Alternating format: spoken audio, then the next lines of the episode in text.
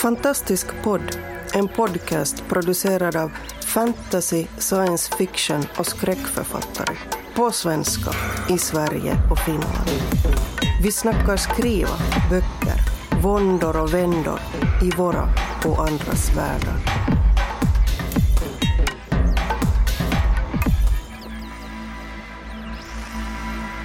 Hej och välkomna till ännu ett avsnitt av Fantastisk podd. Eh, idag så är det Stockholmsgänget som har samlats och eh, jag heter Oskar Källner och med mig så har jag Anders Björkelid, Erik Granström och Boel Berman.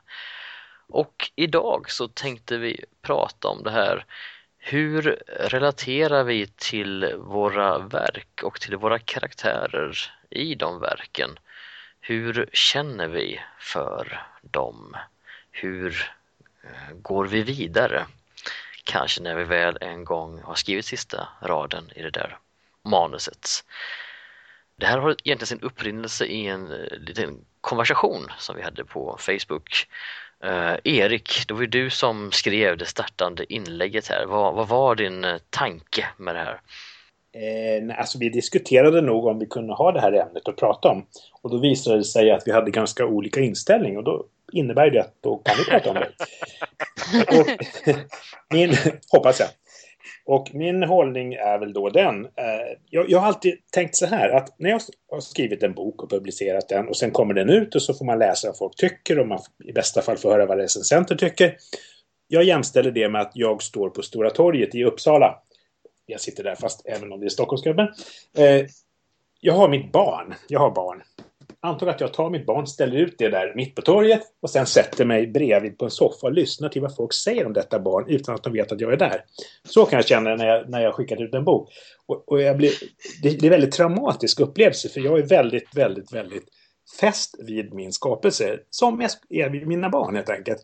Och det behövs inte mycket för att jag ska ta väldigt illa vid mig eller bli, vilja gå i svaromål, vilket jag då inte får göra. För det får man inte göra om som författare ju mot de som tycker. Får jag ställa en fråga bara? Ja. Eh, handlar det om att du vill beskydda, alltså är det boken eller är det karaktärerna i boken? Både och tror jag. Både jag tror att jag, jag, jag, helt enkelt älskar detta verk. Va? Alltså det är så stor del av mitt liv, har varit så stor del av mitt liv. Precis som mina barn. Så att jag, jag inser att jag har inte en objektiv inställning till det här. Men jag vill inte ha det heller. Och det var min hållning. Och sen, ja. Låt mig bolla vidare till dessa mer... ja.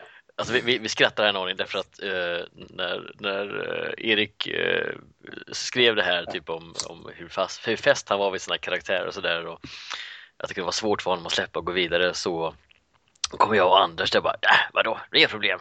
När man är klar med det där, då börjar man bara på det andra. Så här.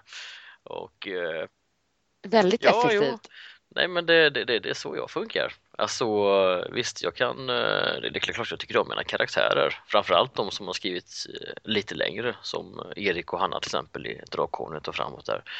Eh, och Minna nu senast då i Stormvinge.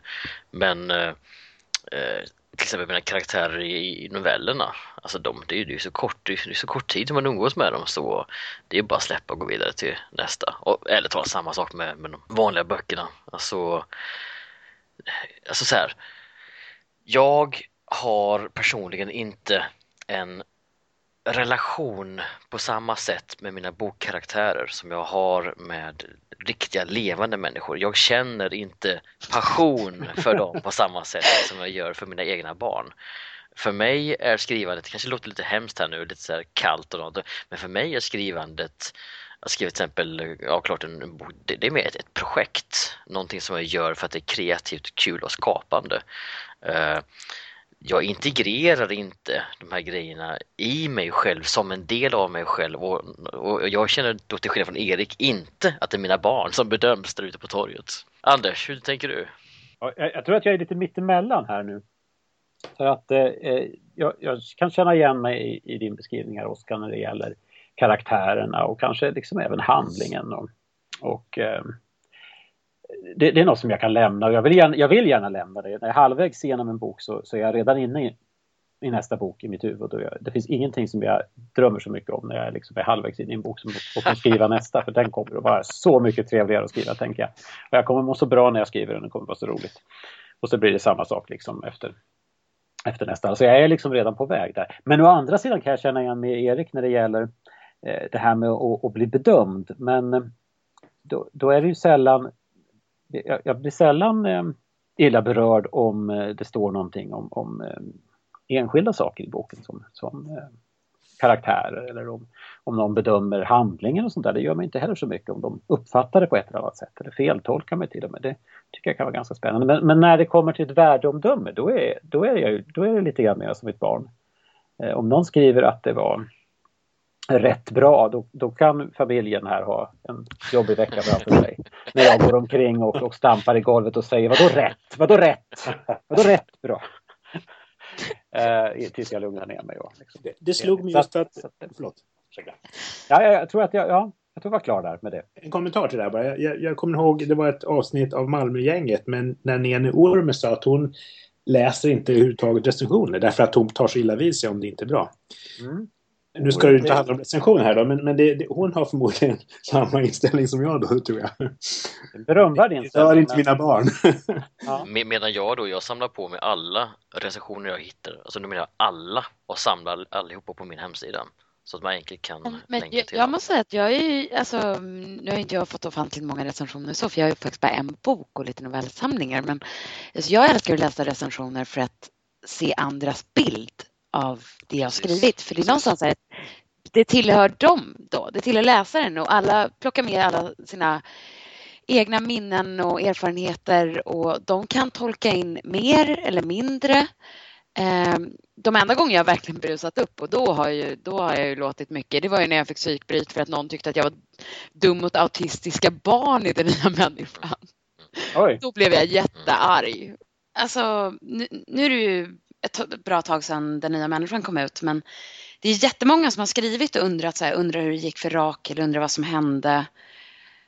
Och jag älskade ju den karaktären och jag tänker på henne ibland så jag har ju inte övergett henne. Men det är fortfarande den här känslan av att ja men hon klarar sig. Hon överlever allt. Så att det är inte som att jag liksom går och tänker att jag vill skriva en fortsättning men däremot någonstans så tänker jag att hon finns där någonstans. Du har aldrig funderat på en fortsättning? Nej, jag är inte dugg sugen på att skriva en fortsättning. Eh, och jag kan inte förklara det varför, men det är lite att jag tycker om att inte veta vad som händer Mm. själv. Eh, och, det, och det vi pratar om överge karaktärer, alltså Erik, eh, det, det, det absolut sorgligaste jag har varit med om att skriva väg, det var ju att jag jobbade på ett dataspel som lades ner. Och, Ja. de, och då hade jag, alltså jag hade ju skapat jättemånga karaktärer, men det var tre karaktärer som dels interagerade med varandra väldigt mycket och det som jag kände väldigt mycket för. Mm. Och de hann jag ju aldrig avsluta, så det kom aldrig till någon slags slut. Jag fick bryta deras historia någonstans tre fjärdedelar in. Mm. Och då tänker jag att jag någon gång ska skriva den här historien, för jag vill själv veta hur det gick för de tre. Mm. Det är en frustrerande känsla. Så då förstår jag verkligen det här att, alltså, för du skapar ju ändå världar också och då kanske de lever vidare på ett annat sätt än om det är lite mer så här avslutade romanstrukturen. Mm. Du, hur länge har du känt de här karaktärerna nu? Är det 20 år eller någonting? Eller vad är det? Alltså det kanske, kanske är en viss skillnad med att ha karaktärer som man umgås med i 20 år och eh, att skriva en novell på tre veckor liksom. Jag, jag tror att det är så här att de karaktärer som jag har i mina böcker är olika sidor av mig själva. Mig själv. Alltså att jag framför olika hypoteser och åsikter eller saker som jag åtminstone har snuddat vid tankemässigt och försöker leva mig in i var och en. Liksom, hur skulle den här säga nu på fullt allvar? Eh, Så att de blir på något vis olika aspekter av mig. Va? Jag vet inte om ser ni dem mer som en konstruktion? Förstår ni? Att ni kan behandla dem som mer som en marionett? Det är väldigt olika. Vissa är ju kanske mer jag och andra är det mer, alltså så man nästan kan se en vän i dem. Alltså man kan se personen. Hur han skulle reagera, vad han skulle brusa upp på, var han är fördomsfull. Alltså, men, men man lär ju känna dem. Och det låter så fånigt men det blir ju vänner eller fiender eller alltså Jag, jag kör ju med förebilder till alla egentligen personer och många är folk som jag känner. Jag satt senast idag och hade en väldigt rolig konversation med förebilden till den förre till kejsaren i Dracula som råkade väldigt illa ut. Han tyckte det var jätteroligt. Skrev hans, hans efter döden. Det var inte vackert. Men det blir, Men då blir det ganska personligt ändå. Man får ändå behandla det, även om det är en ond person eller någon det går riktigt illa för, så får man behandla dem med respekt. Fast jag, jag, jag vet inte om jag har berättat det här. Jag har gjort värre än så. För jag, har ju, jag skrev ju en novell, Kolingsborg, som handlar om att det finns någonting under Kolingsborg. Eh, och det är liksom en efterfest och ett helt gäng som drar ner och, och det blir en massaker. Eh, och så lägger jag ut den på min blogg. Och sen så inser jag plötsligt, jag har ju faktiskt lagt ut folk med deras riktiga namn. Jag tvingas höra av mig till gamla partypolare som jag inte har pratat med på typ 5-10 år och bara Förresten, jag har skrivit en novell, jag dödar dig. Ska jag byta namn eller är det okej? Okay? Och, då, och då upptäcker man att de är döda på riktigt liksom. Då börjar den riktiga oh, oh. ja, nej. De, de, tog det väldigt, väldigt snällt. De sa att jag, jag, jag fick gärna döda dem. Lång, Långkalle och Eskils. Ja. Men, men ni, ni pojkarna då? Alltså det, det, är blandat hos mig också. Uh, en del karaktärer, ja, men det är verkligen sådana som jag själv känner, känner att jag lägger ner alltså mer av mig själv i. Så, så är det. Alltså olika facetter av ens egen personlighet som uh, kanske får större utrymme uh, i, i någon, någon, någon av karaktärerna. Andra är, eh, som ni varit inne på, kanske vänner, bekanta, folk som man stött på, eh, folk som man har ovänner för den delen. Eh, folk som man inte riktigt tål, folk som, som man tycker är jobbiga, som man har studerat försökt förstå hur de fungerar och ja, de är nästan intressanta på sätt och vis att försöka skriva utifrån deras perspektiv hur de tänker och fungerar. Men sen finns det också sådana som är liksom rena fantasikonstruktioner från, från grunden upp. Så jag, jag tror jag har alla olika sorter faktiskt. Jag läste en så fantastisk intervju med var Barbro Lindgren, eh, Loranga Massarin och D'Artagnan. Det är Barbro Lindgren. Mm, oh ja. Ja, nej men, och hon sa ju att allt hon skriver är baserat på verkligheten. Mm. Och så har man läst Loranga Massarin och man bara ja, sådär. Och då visade, hon kallade ju, det, Loranga är ju hennes man och, och Massarin och D'Artagnan är hennes söner. Oh. och hon kallade sin man, alltså till och med i intervjun, alltså han, han har ju gått bort, men alltså, så pratar hon om Loranga. Mm. Mm. det måste ha blivit liksom deras ja, personliga mm. smeknamn. Mm. Och samtidigt så visar det också hur man, mycket man kan skruva verkligheten så att ingen någonsin kan känna igen den. Ja, en upplevd verklighet kontra liksom den sedda verkligheten är ganska stor skillnad. När man beskriver det man tycker man upplever av verkligheten så behöver det inte alls vara realistiskt. Ja men det är väl det, det som du var inne på innan Boel, för jag håller, med, jag håller med där och jag tror också det att när vi som författare släpper ifrån oss en text så är inte texten statisk i sig själv utan tvärtom är det så att när läsaren kommer läser texten, tar med sig sin kontext, sin förförståelse, sitt liv så sker ett möte i texten där texten får liv just i det här mötet. Eh, och på så sätt så ägs texten Eh, inte enbart av författaren utan tvärtom så är den så här samägd. Och den här verkligheten som kommer till eh, är någonting som man gör kreativt tillsammans. Postmodernistisk jag skulle... Ja, bitvis är jag. Ja, alltså jag vet inte om det är så mycket tillsammans faktiskt. Jag skulle säga att varje person har sin egen lilla egoistiska version av boken. Det, det, åh, det var en bok jag aldrig skrev men som jag ville skriva. Så här, eh, den här att där man har en relation till boken. Och, och sen så ska det ju då komma fram att alla har ju sin egen personliga relation till boken. Men sen kom ju filmen, den här Her, och förstörde hela den idén. Men en följdfråga till Oskar där. Det här med att äh, boken skapas äh, av läsaren så att säga. Ah, Vilket jag helt... inte bara. Ja, men kolla, jag håller helt med om att det är liksom en slags samspel där ju. Det måste det ju vara. Men, men äh, har ni ofta varit med om att folk missförstått helt och hållet? Eller kommer med någonting som det där har jag överhuvudtaget inte tänkt på själv. Men det låter vettigt när man hör det. Eller det låter väldigt befängt när man hör det. Har ni, har ni varit med om det? Att folk tolkar in saker? Jag har varit med om att folk har läst in saker och ting som jag har känt, ja men så kan man nog faktiskt se det. Det är helt korrekt ur deras perspektiv. Eh, däremot så har jag nog inte varit med om någonting där jag känt att nej, men det här var helt befängt, helt uh, out of this earth. Hur hela världen kan de tro det? Än. Det jag, det jag råkat ut för, alltså folk kände väldigt starkt för boken men på helt olika vis. Så att det var ju mm. snarare så att men det var också för, kanske för att den var lite spretig, så här, debutromanspretig.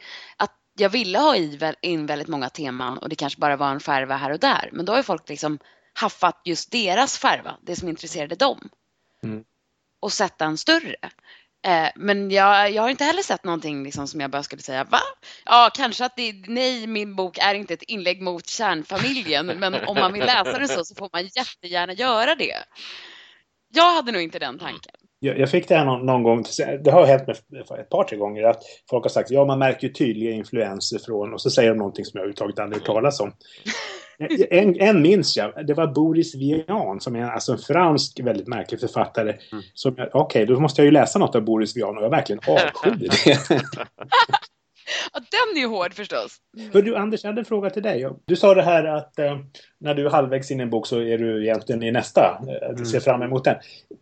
Kan ni när ni skriver, för att jag kan förstå det till, på ett sätt att, att man ser framåt, men samtidigt om jag skriver en specifik scen, alltså en scen i ett kapitel, då måste jag vara där. Då kan inte jag tänka på det som kommer ens i nästa kapitel. Känner ni så eller gör inte ni så? Utan Nej, håller alltså ni så att säga distans? Jag, jag är ett steg före. Men jag är mera marionett i, mm. Eh, överhuvudtaget eh, när jag skriver.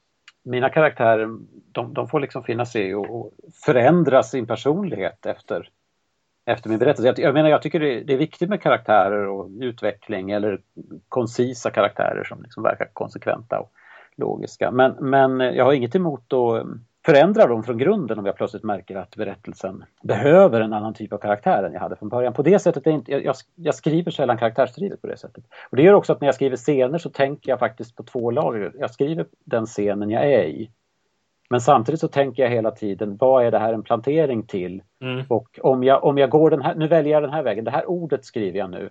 Och då ser jag framför mig hur det här öppnar sig i nästa kapitel. Mm. Vad jag kan skriva då. Jag vet redan vad handlingen ska vara, men jag vet hur jag kan välja ord då om jag väljer det här ordet här.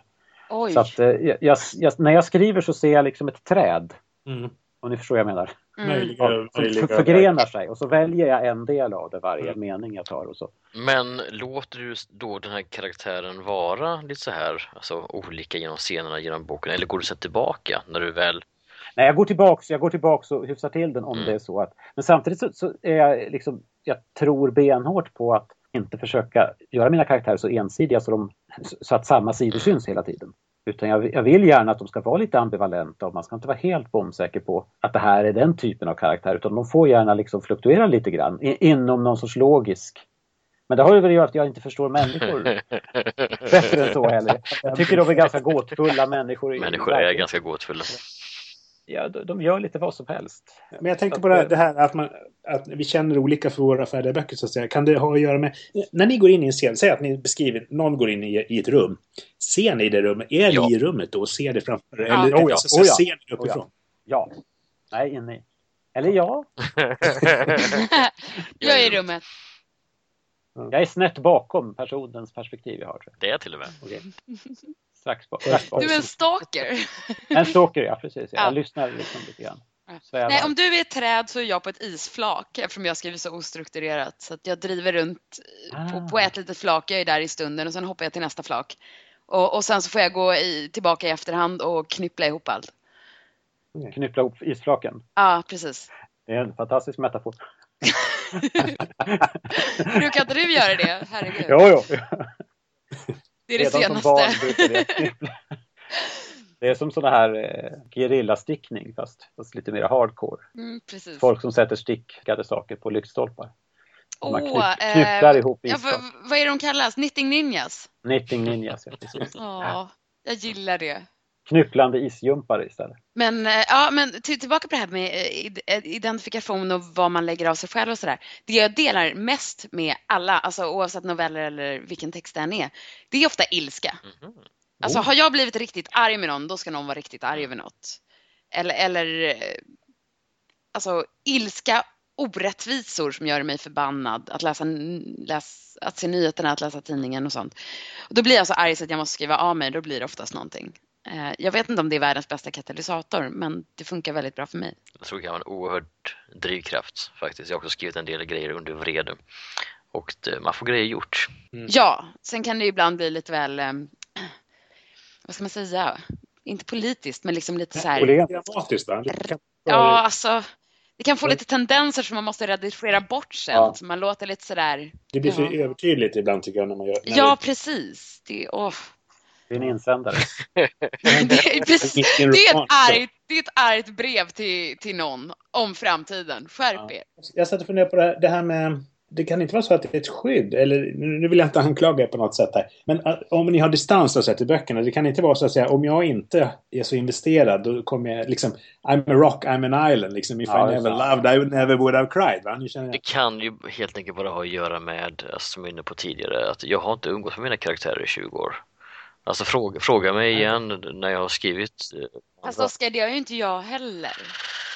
Ja, det har du rätt Det är kanske bara jag som är kallhamrad typ. Ja, vi, ja. vi, kommer för nära dem Erik, vi behöver, vi behöver distans. Nej men, men alltså även, även när jag skriver, jag, jag, jag försöker verkligen dyka in, in i de här människorna och eh, eh det blir ju så till och med till slut efter ett tag att man, eh, de börjar leva sina egna liv och pratar själva, man, de, de kör igång och har sina dialoger och eh, ju mer jag liksom har sjunkit ner i berättelsen och världen eh, ju mer flyter den eh, vidare av sig självt. Och eh, det är, en fantastisk upplevelse att vara i det flödet och se hur de här eh, karaktärerna eh, agerar ut och på något, på något, sätt så agerar de ändå vidare i, i de här uh, outlinen som jag har gjort uh, tidigare. så det är också, ibland så kan de få för sig att göra grejer som jag inte hade tänkt. Uh, men då blir det för det mesta bara ännu bättre för det växer liksom ut organiskt och känns ännu mer naturligt. Men sen när jag väl liksom har kommit till slutet och knyter ihop knuten på den delen och tar den där välbehövliga pausen inför nästa och sen dyker in i nästa projekt. Jag vet inte, det kanske sker någonting däremellan, någon typ av eh, katarsis eller någonting. För att jag, jag känner ingen längtan, inget behov att gå tillbaka till det utan när jag var nedsjunken när jag var där, då var det gott då. Det finns ingen orsak att uh, försöka hänga kvar vid det utan jag går vidare till nästa. Känner du också så Anders? Nej, alltså, jag, både och. Jag, jag, känner att, att jag gärna går vidare på något sätt. Men, men samtidigt det här som Erik och, och du beskriver med, med liksom förhållandet till karaktärer på något sätt. Det, det, kan jag känna i förhållande till språk på ett annat sätt. Att eh, okej okay, om du inte tycker om mina karaktärer eller tycker att de handlar konstigt eller blir sur på dem eller något sånt där. Det, det gör mig inte så mycket. Men om någon börjar liksom prata om att varför har du valt det här ordet eller varför är stämningen sån här på något sätt, då kan jag slå bakut på ett helt annat sätt. För det är mycket mer personligt. För då känns som att de går på angrepp? På... Då, går, men då, ja, men då trampar de på mig på ett annat sätt. För det är jag. jag. Tänka, karaktärerna, jag karaktärerna har jag lånat ut drag till sådär men, men jag, de får väl prata skit om, om mina konstiga drag. Det är oftast de mindre sympatiska dragen jag lånar ut. Men, men när de liksom eh, säger, frågar liksom varför använder du eh, dunkel här? Då, då blir jag sur. Um, så min, min, min, min reaktion när det gäller korrektur från förlaget är oftast att det, liksom det står någonting understruket ord någonstans och så står det Vore det inte bättre med? Och så tittar jag på, på den där röda markeringen och så skriker jag Nej det vore det inte! Vore inte alls bättre. Och så måste jag gå runt några varv liksom där och så får jag gå och fråga min hustru och fråga vad tycker du om det här egentligen? Och så, ja det vore mycket bättre säger hon och så går jag och surar ett tag till. och sen, sen får jag väl liksom krypa till korset och tänka jo men det kanske ligger något i det. Men, men det är mycket mer personligt än om någon säger skulle det inte vara roligare om den här personen var gladare eller skulle du inte kunna döda den här karaktären? Då tänker jag ja det kan jag väl göra. Mm. Intressant. Det, på, där, där, det gör mig faktiskt inte så mycket. Men um, jag hade, jag hade ju någon recensent ja. som, eh, alltså, fast då skrattade jag faktiskt bara, men alltså jag använde för många engelska ord. Han blev så arg så han inte kunde läsa klart boken. och det har jag liksom inte tänkt på själv, men ja, det är väl ganska svengelskt och engelskt här och där. Så. Men, men det kändes inte som ett angrepp utan mer så här, ja, men jag pratar väl konstigt då för att jag jobbar med engelska på dagarna och sen försöker jag skriva svenska. Det hade jag inga problem med. Kul med arga recensenter. Ja, men just om man tycker att de har missförstått eller getts, Man är ju olika känslig som Anders säger. Det känner jag också väldigt väl igen. Man är väldigt olika känslig för olika saker. Det är olika delar av böckerna man har känt sig olika nöjd med också. Ja. Klart att det man har trott är det, är det bästa är ju oftast det som man blir mest upprörd över. Mm. Jag kan ju nästan inte läsa om något jag har skrivit för att jag, alltså jag vill ju bara skriva ja, om allt. Ja, det är svårt alltid. faktiskt. Ja, det är så är det. Nej, det kan, det, jag kan sitta och småmysa. men, men det kanske är för att du är Du kanske är lite bättre i den här redigeringsprocessen också och verkligen Nej, jag, Jag, jag, jag, jag hatar ju redigering. Jag, över, jag överger ju gärna texter så fort jag kan. ja, det gör jag också. Jag är väl inte så självkritisk. Du är som Mozart som skrev rätt från början. helt Ja, precis. Exakt så tänker jag. Det är Ja, men typ att ha en högläsning ur sin bok. Alltså det, det är ju så här, man vill ju bara sitta där med rödpennan. Alltså jag, gör ni det? När jag läser högt i mina böcker, då, då sitter jag och redigerar medan jag pratar. Alltså jag ändrar texten. Du gör det? Det är typ vad jag vill göra. Det ska jag börja göra. Det gör, gör jag även när jag läste, förr i tiden när jag läste för mina barn och låg och läste ur böcker. Då, då, så det, då redigerade jag medan jag läste märkte jag. Det var ganska kul tyckte jag. Ja, Ja, men om de är klara. Alltså jag menar, de är tryckta. Och så är man på något så här att man ska läsa högt ur den. Ja, nej det är pinsamt. Redigerar du då? Ja. Ibland stryker jag he- redan hemma, va? för det är en annan sak att läsa högt tycker jag än att läsa text tyst. Mm. Alltså för, jag har så här många minuter att läsa och då tar jag bort det här stycket och så får jag mer ihop det här. Jag vet inte om det är fusk, men så gör jag. Nej, det, det är väl helt... Jag tror det är många, många författare som gör det överhuvudtaget. Mm. Eh, Jag var på, eh, läste, var på en bokpresentation tillsammans med eh, Mats Wahl. Vi var och presenterade böcker tillsammans för några bibliotekarier. Och han läste högt ur sin bok. Som inte hade varit utgiven än visserligen, men, men då, då såg redaktörerna lite nervösa ut efter det och sa du, du, det du läste upp här, du, det är ju inte riktigt den texten som, som vi har. nej, nej, sa han, men, men nu läste jag ju högt. Då ändrar jag ju medan jag läser. Annars så blir det inget bra. Han menade ju då att, att eh, man som högläsare, då skulle man Ja.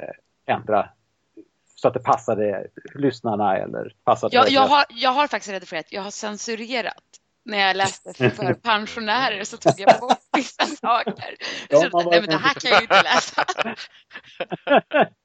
Som att de inte har Ja, levat. Men Nej, i alla fall. Ja. Mm. Jag har ju en av mina redaktörer är blind, vilket är en stor fördel som jag ser det, därför att då hör ju han texterna. Han får den uppläst för sig. Det, det tycker jag är en stor fördel, för då får man så att säga, en annan vinkel på den där. Jag läser ju nästan alltid texter högt. Oj! Nu fick jag värsta ekot. Ja, du, det är flera stycken samtidigt. Eko. Inte hos mig. Nej, inte hos mig heller. Eller jo, Men hörni, vet ni vad? Vi gör inte jättemycket. Vi klarar För uh, vår tid är ute nu.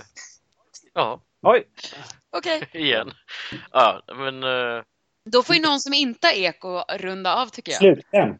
Jag tänkte på det här med, som Anders sa där om att han han är inte så noga med om folk klagar på hans figurer och så, utan men klagar på språket, då blir han arg. Då tänkte jag på Sommarnattens leende. När Jarl Kulle säger så här att om man bedrar mig med min hustru, då kan jag fördra. Men rör man min älskarinna, då blir jag en tiger. Har ni sett den? nej. Ja, ja, Nej, jag är ledsen. Det är Bra. det är bra film. Ja, bra. Ja, hörni, jag vet inte om vi blir så jättemycket klokare, men det är väldigt intressant i alla fall att eh, jämföra hur olika vi tänker och kanske framförallt känner eh, inför de här sakerna. Tack så mycket för idag hörni. Eh, Har det gått alla våra lyssnare där ute i eten så syns vi nästa gång. Hej då! Hej då! Du har lyssnat på Fantastisk podd. Om du trivdes i vårt fantastiska poddsällskap och vill ha mer så hittar du äldre poddar och information om oss som deltar på vår hemsida under fantastiskpodd.se och på vår Facebook-sida Fantastisk podd. Har du frågor eller förslag på vad du tycker att vi ska tala om, hör gärna av dig antingen på Facebook eller via kommentarer på hemsidan. Vi hörs!